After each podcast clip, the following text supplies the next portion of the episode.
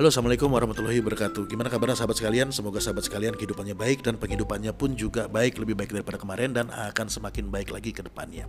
Kita jumpa lagi di podcast cerita bisnis yang ke-18 Karena saya kita sudah masuk ke episode yang ke-18 Dan uh, saya juga ngajak teman-teman untuk uh, kenalan lagi dengan saya ya. Jadi mungkin banyak yang belum kenal saya Jadi saya memperkenalkan diri dulu. Nama saya Iqbal Salin Harahap. Ya saya bergerak di bidang edukasi bisnis dan investasi Eh, kami mengedukasi bahwa untuk mendapatkan untung yang besar uh, baik dalam dunia bisnis maupun dunia investasi perlu paham ilmunya bahwa nggak semua investasi yang besar bagi hasilnya risikonya selalu tinggi nggak selalu. Justru di sini kita belajar untuk bagaimana caranya kita mengelola risiko.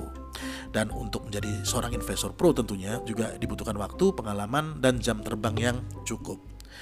Bantubisnismu.com atau BBDC adalah salah satu perusahaan saya yang beraktivitas mencari dan mensortir bisnis yang potensial untuk diajakin kerjasama. Dan QSU adalah lembaga keuangan yang menyediakan pendanaan untuk proyek yang telah disortir oleh BBDC tadi.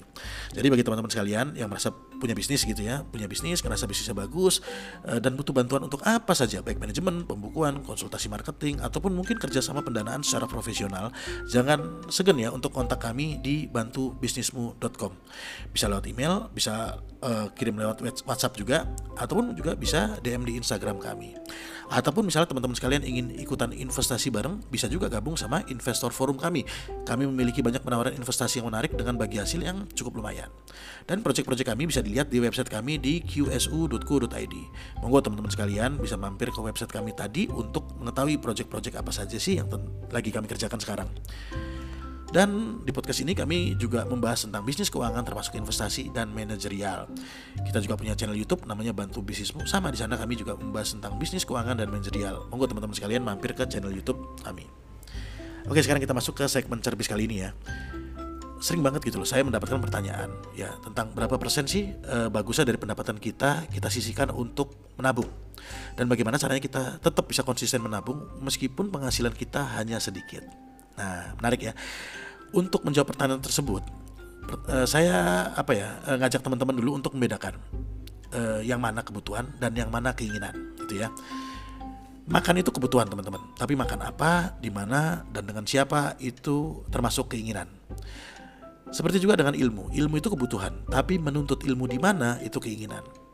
Dan juga seperti gini, kendaraan itu, kendaraan gitu ya, mobil gitu atau motor itu kebutuhan tapi punya BPKB itu keinginan paham ya? Jadi uh, polisi juga nggak pernah nanya gitu loh pas razia BPKB mu di mana? Nggak pernah yang paling kan cuma ada KTP sama SIM gitu. So dari gambaran tadi teman sekalian mungkin bisa memahami ya apa yang kebutuhan dan mana yang masuk ke keinginan Nah, tujuan uh, kita melakukan perencanaan keuangan. Jadi menabung itu kan termasuk dalam merencanakan keuangan ya. Jadi tujuan kita melakukan perencanaan keuangan adalah untuk mendapatkan kehidupan finansial yang lebih baik lagi ke depannya dengan cara tentunya mengorbankan sesuatu di saat sekarang. Jadi kesenangan di saat sekarang itu kita korbankan untuk mendapatkan kehidupan finansial yang lebih baik lagi ke depannya. Bahasa gampangnya kayak gini. Uh, apa ya? Menahan keinginan dulu saat ini untuk mendapatkan kehidupan yang lebih baik lagi ke depannya. Kayak peribahasa mungkin berakit-rakit dahulu bersenang-senang kemudian gitu ya. Jadi misalnya kita ingin handphone baru ya ditahan dulu. Handphone sekarang kan masih bisa berfungsi dengan baik gitu ya. Jadi fungsi handphone kan paling nggak yang paling sering itu dipakai buat telepon terima telepon uh, WhatsApp, email kan atau browsing kan. Kalau sekarang masih berfungsi dengan baik kenapa harus ganti gitu loh. Dan misalnya ya kalau setiap siang kita misalnya beli makan di luar, ya mulai besok mungkin kita bisa bawa makanan dari rumah jadi lebih hemat. Seperti saya bilang sebelumnya bahwa kita perlu menahan diri dulu. Dan saya pribadi punya skema keuangan yang saya namakan dengan Golden Money Management. Jadi skema keuangan saya ini, eh, Golden Money Management ini bisa diaplikasikan oleh siapa pun dengan pendapatan berapapun, baik pendapatannya besar maupun kecil sekalipun. Jadi gini, saya ya selalu mencoba membangun kebiasaan. Jadi setiap saya menerima gaji, oh ya, jadi meskipun saya usaha sendiri ya, tapi saya juga bergaji. Nanti masalah gaji ini kita akan bahas di bab lainnya biar nggak melebar ke mana-mana di service kita kali ini. Jadi kita fokus di uh, Golden Money Management dulu. Jadi kembali lagi ya, setiap saya nerima gaji, saya kelompokkan gaji saya tadi itu ke dalam 5 pos. Ya. 10% untuk giving, 20% untuk saving, 20% untuk investing, 40% untuk family, dan 10% untuk bayar hutang kalau misalnya punya. Nah, untuk besar presentasi ini juga bisa disesuaikan dengan kemampuan masing-masing. Yang penting uh, konsisten dulu dalam membagi gitu loh. lalu kemudian akan muncul pertanyaan seperti ini. Kalau misalnya satu orang ya seseorang itu bergaji satu juta rupiah, berarti dia harus membagi juga dong gajinya ke dalam lima pos tadi. Menurut saya sih iya, memang harus kayak gitu. Harus mulai disiplin dari sedini mungkin, dari sekecil mungkin. Kalau posnya misalnya ya untuk family itu 40%, berarti porsi untuk keluarga hanya 400 ribu sebulan dong. Kalau misalnya gajinya satu juta, apa cukup? Nah kan seperti saya bilang tadi, untuk persentase itu bisa disesuaikan sama kemampuan. Dan sebetulnya kalau misalnya mau hidup dengan uang 400 ribu sebulan, itu sebetulnya bisa kok. Jadi triknya gini, kita cari dulu ya. Jadi triknya adalah kita cari dulu orang yang pendapatnya satu per tiga di bawah kita. Jadi misalnya gaji kita satu juta rupiah, kita cari orang yang pemasukannya hanya 330 ribu sebulan dan kita lihat bagaimana mereka bisa hidup, mereka dan keluarga mereka bisa hidup. Tinggal kita contoh aja gitu loh. Dengan demikian kita bisa menyisikan dua per 3 pendapatan kita untuk ditabung atau juga bisa kita gunakan untuk investasi. Jadi uh, kayak gitu. Jadi selalu ada peluang. Jadi kalau misalnya ditanya bahwa kok uh, uang 330 ribu kok dikit banget, kok menderita banget ya. Gini, uh, kita apa ya? Kalau orang lain bisa, tentunya kita bisa gitu loh uh, apa tergantung juga sih dengan kekuatan niat di awal kita. Jadi kalau kita misalnya memang betul-betul ingin kehidupan finansial yang lebih baik ke depannya, uh, tentunya kita juga harus punya niat yang kuat untuk punya kehidupan yang lebih baik tadi. Jadi uh, semuanya tergantung niat ya. Kalau niatnya kuat, ya tentu semuanya bisa dan kalau misalnya bilang kok berat? Ya sebetulnya kan kalau kita hitung-hitung sederhana ya orang tuh kan makan sehari paling nggak tiga kali. Ya dua kali lah bisa bisa tiga kali. Terus minum juga cuma satu setengah liter atau berapa liter lah gitu ya. Itu kita minum udah mentok. Jadi kalau misalnya dibilang kita punya uang banyak susah makan atau punya uang sedikit tiga ratus puluh ribu gimana cara kita mengatur supaya kita tuh bisa makan dua kali? Atau kalau misalnya perlu ya mungkin puasa Senin Kamis gitu loh uh, di mana mungkin Senin Kamis puasa jadi otomatis kan kita uh, menghemat gitu ya untuk uang belanja. Tapi apa pun itu ya apa pun itu juga perlu diomongin sama keluarga sama suami istri bahwa kita lagi berhemat untuk membangun sesuatu. Jadi bukannya pelit ya tapi kita lagi membangun sesuatu. Nah, dan perlu teman-teman sekalian juga ingat bahwa pemasukan itu ya bukan hanya dari gaji, bisa juga dari hal lainnya. Misalnya gini, Anda adalah seseorang yang sudah berkeluarga dan Anda kerja kantoran misalnya sehari kerjanya 8 jam ya. Dan tentunya anda punya waktu 8 jam untuk istirahat. Dan kalau misalnya tadi ya kita hidup satu hari 24 jam 8 hari istirahat eh 8 jam istirahat 8 jam kerja. Artinya kita masih punya waktu 8 jam waktu lowong 8 jam yang masih bisa digunakan untuk melakukan hal-hal produktif yang lain yang bisa disesuaikan sama kemampuan kita.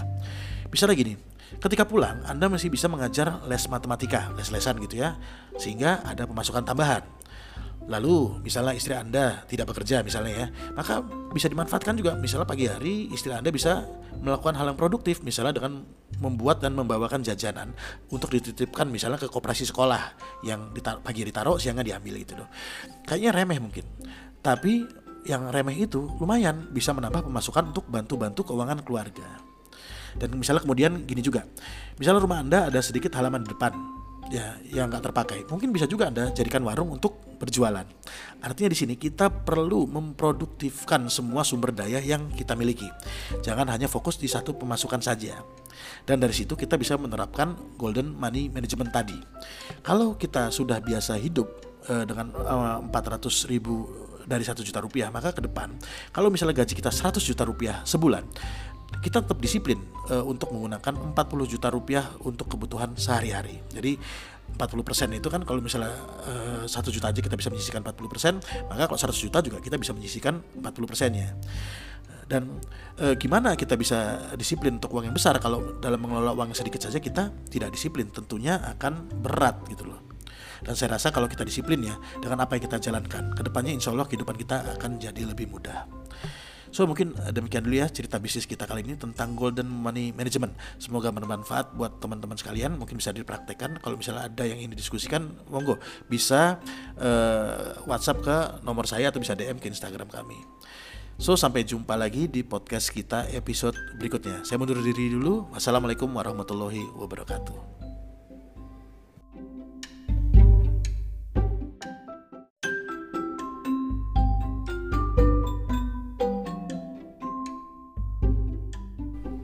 Halo Assalamualaikum warahmatullahi wabarakatuh Gimana kabarnya sahabat sekalian? Semoga sahabat sekalian kehidupannya baik dan penghidupannya pun juga baik Lebih baik daripada kemarin dan akan semakin baik lagi ke depannya Kita jumpa lagi di podcast cerita bisnis yang ke-18 Karena saya kita sudah masuk ke episode yang ke-18 Dan uh, saya juga ngajak teman-teman untuk uh, kenalan lagi dengan saya ya Jadi mungkin banyak yang belum kenal saya, jadi saya memperkenalkan diri dulu. Nama saya Iqbal Salim Harahap. Ya, saya bergerak di bidang edukasi bisnis dan investasi. Eh, kami mengedukasi bahwa untuk mendapatkan untung yang besar eh, baik dalam dunia bisnis maupun dunia investasi perlu paham ilmunya bahwa nggak semua investasi yang besar bagi hasilnya risikonya selalu tinggi nggak selalu. Justru di sini kita belajar untuk bagaimana caranya kita mengelola risiko. Dan untuk menjadi seorang investor pro tentunya juga dibutuhkan waktu pengalaman dan jam terbang yang cukup. Bantubisnismu.com atau BBDC adalah salah satu perusahaan saya yang beraktivitas mencari dan mensortir bisnis yang potensial untuk diajakin kerjasama. Dan QSU adalah lembaga keuangan yang menyediakan pendanaan untuk proyek yang telah disortir oleh BBDC tadi. Jadi bagi teman-teman sekalian yang merasa punya bisnis gitu ya, punya bisnis, ngerasa bisnisnya bagus eh, dan butuh bantuan untuk apa saja, baik manajemen, pembukuan, konsultasi marketing, ataupun mungkin kerjasama pendanaan secara profesional, jangan segan ya untuk kontak kami di bantubisnismu.com. Bisa lewat email, bisa uh, kirim lewat WhatsApp juga, ataupun juga bisa DM di Instagram kami. Ataupun misalnya teman-teman sekalian ingin ikutan investasi bareng, bisa juga gabung sama investor forum kami. Kami memiliki banyak penawaran investasi yang menarik dengan bagi hasil yang cukup lumayan. Dan proyek-proyek kami bisa dilihat di website kami di qsu.co.id. Monggo teman-teman sekalian bisa mampir ke website kami tadi untuk mengetahui proyek-proyek apa saja sih yang lagi kami kerjakan sekarang. Dan di podcast ini kami juga membahas tentang bisnis keuangan termasuk investasi dan manajerial. Kita juga punya channel YouTube namanya Bantu Bisnismu. Sama di sana kami juga membahas tentang bisnis keuangan dan manajerial. Monggo teman-teman sekalian mampir ke channel YouTube kami. Oke, sekarang kita masuk ke segmen cerbis kali ini ya. Sering banget gitu loh saya mendapatkan pertanyaan ya tentang berapa persen sih e, bagusnya dari pendapatan kita kita sisihkan untuk menabung dan bagaimana caranya kita tetap bisa konsisten menabung meskipun penghasilan kita hanya sedikit. Nah, menarik ya. Untuk menjawab pertanyaan tersebut, uh, saya apa ya uh, ngajak teman-teman dulu untuk membedakan uh, yang mana kebutuhan dan yang mana keinginan, gitu ya. Makan itu kebutuhan teman-teman, tapi makan apa, di mana, dan dengan siapa itu termasuk keinginan. Seperti juga dengan ilmu, ilmu itu kebutuhan, tapi menuntut ilmu di mana itu keinginan. Dan juga seperti gini, kendaraan itu, kendaraan gitu ya, mobil gitu atau motor itu kebutuhan tapi punya BPKB itu keinginan. Paham ya? Jadi uh, polisi juga nggak pernah nanya gitu loh pas razia BPKB-mu di mana? Nggak pernah. Yang paling kan cuma ada KTP sama SIM gitu. So dari gambaran tadi teman sekalian mungkin bisa memahami ya apa yang kebutuhan dan mana yang masuk ke keinginan. Nah, tujuan e, kita melakukan perencanaan keuangan. Jadi menabung itu kan termasuk dalam merencanakan keuangan ya. Jadi tujuan kita melakukan perencanaan keuangan adalah untuk mendapatkan kehidupan finansial yang lebih baik lagi ke depannya dengan cara tentunya mengorbankan sesuatu di saat sekarang. Jadi kesenangan di saat sekarang itu kita korbankan untuk mendapatkan kehidupan finansial yang lebih baik lagi ke depannya. Bahasa gampangnya kayak gini. Uh, apa ya menahan keinginan dulu saat ini untuk mendapatkan kehidupan yang lebih baik lagi ke depannya kayak peribahasa mungkin berakit-rakit dahulu bersenang-senang kemudian gitu ya. Jadi misalnya kita ingin handphone baru ya ditahan dulu. Handphone sekarang kan masih bisa berfungsi dengan baik gitu ya. Jadi fungsi handphone kan paling enggak yang paling sering itu dipakai buat telepon, terima telepon, uh, WhatsApp, email kan atau browsing kan kalau sekarang masih berfungsi dengan baik kenapa harus ganti gitu loh. Dan misalnya ya kalau setiap siang kita misalnya beli makan di luar, ya mulai besok mungkin kita bisa bawa makanan dari rumah jadi lebih hemat. Seperti saya bilang sebelumnya bahwa kita perlu menahan diri dulu. Dan saya pribadi punya skema keuangan yang saya namakan dengan Golden Money Management. Jadi skema keuangan saya ini, eh, Golden Money Management ini bisa diaplikasikan oleh siapa pun dengan pendapatan berapapun, baik pendapatannya besar maupun kecil sekalipun. Jadi gini, saya ya selalu mencoba membangun kebiasaan. Jadi setiap saya menerima gaji, oh ya, jadi meskipun saya usaha sendiri ya, tapi saya juga bergaji. Nanti masalah gaji ini kita akan bahas di bab lainnya biar nggak melebar ke mana-mana di service kita kali ini. Jadi kita fokus di uh, Golden Money Management dulu. Jadi kembali lagi ya, setiap saya menerima gaji, saya kelompokkan gaji saya tadi itu ke dalam lima pos. Ya, 10% untuk giving, 20% untuk saving, 20% untuk investing, 40% untuk family, dan 10% untuk bayar hutang kalau misalnya punya. Nah, untuk besar presentasi ini juga bisa disesuaikan dengan kemampuan masing-masing. Yang penting uh, konsisten dulu dalam membagi gitu loh. lalu kemudian akan muncul pertanyaan seperti ini. Kalau misalnya satu orang ya seseorang itu bergaji satu juta rupiah, berarti dia harus membagi juga dong gajinya ke dalam lima pos tadi. Menurut saya sih iya, memang harus kayak gitu. Harus mulai disiplin dari sedini mungkin, dari sekecil mungkin. Kalau posnya misalnya ya untuk family itu 40%, berarti porsi untuk keluarga hanya 400 ribu sebulan dong. Kalau misalnya gajinya satu juta, apa cukup? Nah kan seperti saya bilang tadi, untuk persentase itu bisa disesuaikan sama kemampuan. Dan sebetulnya kalau misalnya mau hidup dengan uang 400 ribu sebulan, itu sebetulnya bisa kok. Jadi triknya gini, kita cari dulu ya. Jadi triknya adalah kita cari dulu orang yang pendapatnya satu per tiga di bawah kita. Jadi misalnya gaji kita satu juta rupiah, kita cari orang yang pemasukannya hanya 330 ribu sebulan. Dan kita lihat bagaimana mereka bisa hidup, mereka dan keluarga mereka bisa hidup. Tinggal kita contoh aja gitu loh. Dengan demikian kita bisa menyisikan dua per tiga pendapatan kita untuk ditabung atau juga bisa kita gunakan untuk investasi. Jadi uh, kayak gitu. Jadi selalu ada peluang. Jadi kalau misalnya ditanya bahwa kok uh, uang 330 ribu kok dikit banget kok menderita banget ya gini uh, kita apa ya kalau orang lain bisa tentunya kita bisa gitu loh uh, apa tergantung juga sih dengan kekuatan niat di awal kita jadi kalau kita misalnya memang betul-betul ingin kehidupan finansial yang lebih baik ke depannya, uh, tentunya kita juga harus punya niat yang kuat untuk punya kehidupan yang lebih baik tadi. Jadi uh, semuanya tergantung niat ya. Kalau niatnya kuat, ya tentu semuanya bisa dan kalau misalnya bilang kok berat? Ya sebetulnya kan kalau kita hitung-hitung sederhana ya orang tuh kan makan sehari paling nggak tiga kali. Ya dua kali lah bisa bisa tiga kali. Terus minum juga cuma satu setengah liter atau berapa liter lah gitu ya. Itu kita minum udah mentok. Jadi kalau misalnya dibilang kita punya uang banyak susah makan atau punya uang sedikit tiga ratus tiga puluh ribu gimana cara kita mengatur supaya kita tuh bisa makan dua kali? Atau kalau misalnya perlu ya mungkin puasa Senin Kamis gitu loh uh, di mana mungkin Senin Kamis puasa jadi otomatis kan kita uh, menghemat gitu ya untuk uang belanja. Tapi apa pun itu ya apa pun itu juga perlu diomongin sama keluarga sama suami istri bahwa kita lagi berhemat untuk membangun sesuatu. Jadi bukannya pelit ya tapi kita lagi membangun sesuatu. Nah, dan perlu teman-teman sekalian juga ingat bahwa pemasukan itu ya bukan hanya dari gaji, bisa juga dari hal lainnya. Misalnya gini, Anda adalah seseorang yang sudah berkeluarga dan Anda kerja kantoran misalnya sehari kerjanya 8 jam ya. Dan tentunya anda punya waktu 8 jam untuk istirahat. Dan kalau misalnya tadi ya kita hidup satu hari 24 jam 8 hari istirahat eh 8 jam istirahat 8 jam kerja. Artinya kita masih punya waktu 8 jam waktu lowong 8 jam yang masih bisa digunakan untuk melakukan hal-hal produktif yang lain yang bisa disesuaikan sama kemampuan kita. Misalnya gini ketika pulang Anda masih bisa mengajar les matematika les-lesan gitu ya sehingga ada pemasukan tambahan Lalu misalnya istri Anda tidak bekerja misalnya ya, maka bisa dimanfaatkan juga misalnya pagi hari istri Anda bisa melakukan hal yang produktif misalnya dengan membuat dan membawakan jajanan untuk dititipkan misalnya ke koperasi sekolah yang pagi ditaruh siangnya diambil gitu loh. Kayaknya remeh mungkin. Tapi yang remeh itu lumayan bisa menambah pemasukan untuk bantu-bantu keuangan keluarga. Dan misalnya kemudian gini juga, misalnya rumah Anda ada sedikit halaman di depan, ya yang nggak terpakai. Mungkin bisa juga anda jadikan warung untuk berjualan. Artinya di sini kita perlu memproduktifkan semua sumber daya yang kita miliki. Jangan hanya fokus di satu pemasukan saja. Dan dari situ kita bisa menerapkan golden money management tadi. Kalau kita sudah biasa hidup uh, dengan eh, 400 ribu dari satu juta rupiah maka ke depan kalau misalnya gaji kita 100 juta rupiah sebulan kita tetap disiplin uh, untuk menggunakan 40 juta rupiah untuk kebutuhan sehari-hari. Jadi 40% itu kan kalau misalnya uh, 1 juta aja kita bisa menyisihkan 40%, maka kalau 100 juta juga kita bisa menyisihkan 40% ya. Dan e, gimana kita bisa disiplin untuk uang yang besar kalau dalam mengelola uang yang sedikit saja kita tidak disiplin, tentunya akan berat gitu loh. Dan saya rasa kalau kita disiplin ya dengan apa yang kita jalankan, ke depannya insya Allah kehidupan kita akan jadi lebih mudah.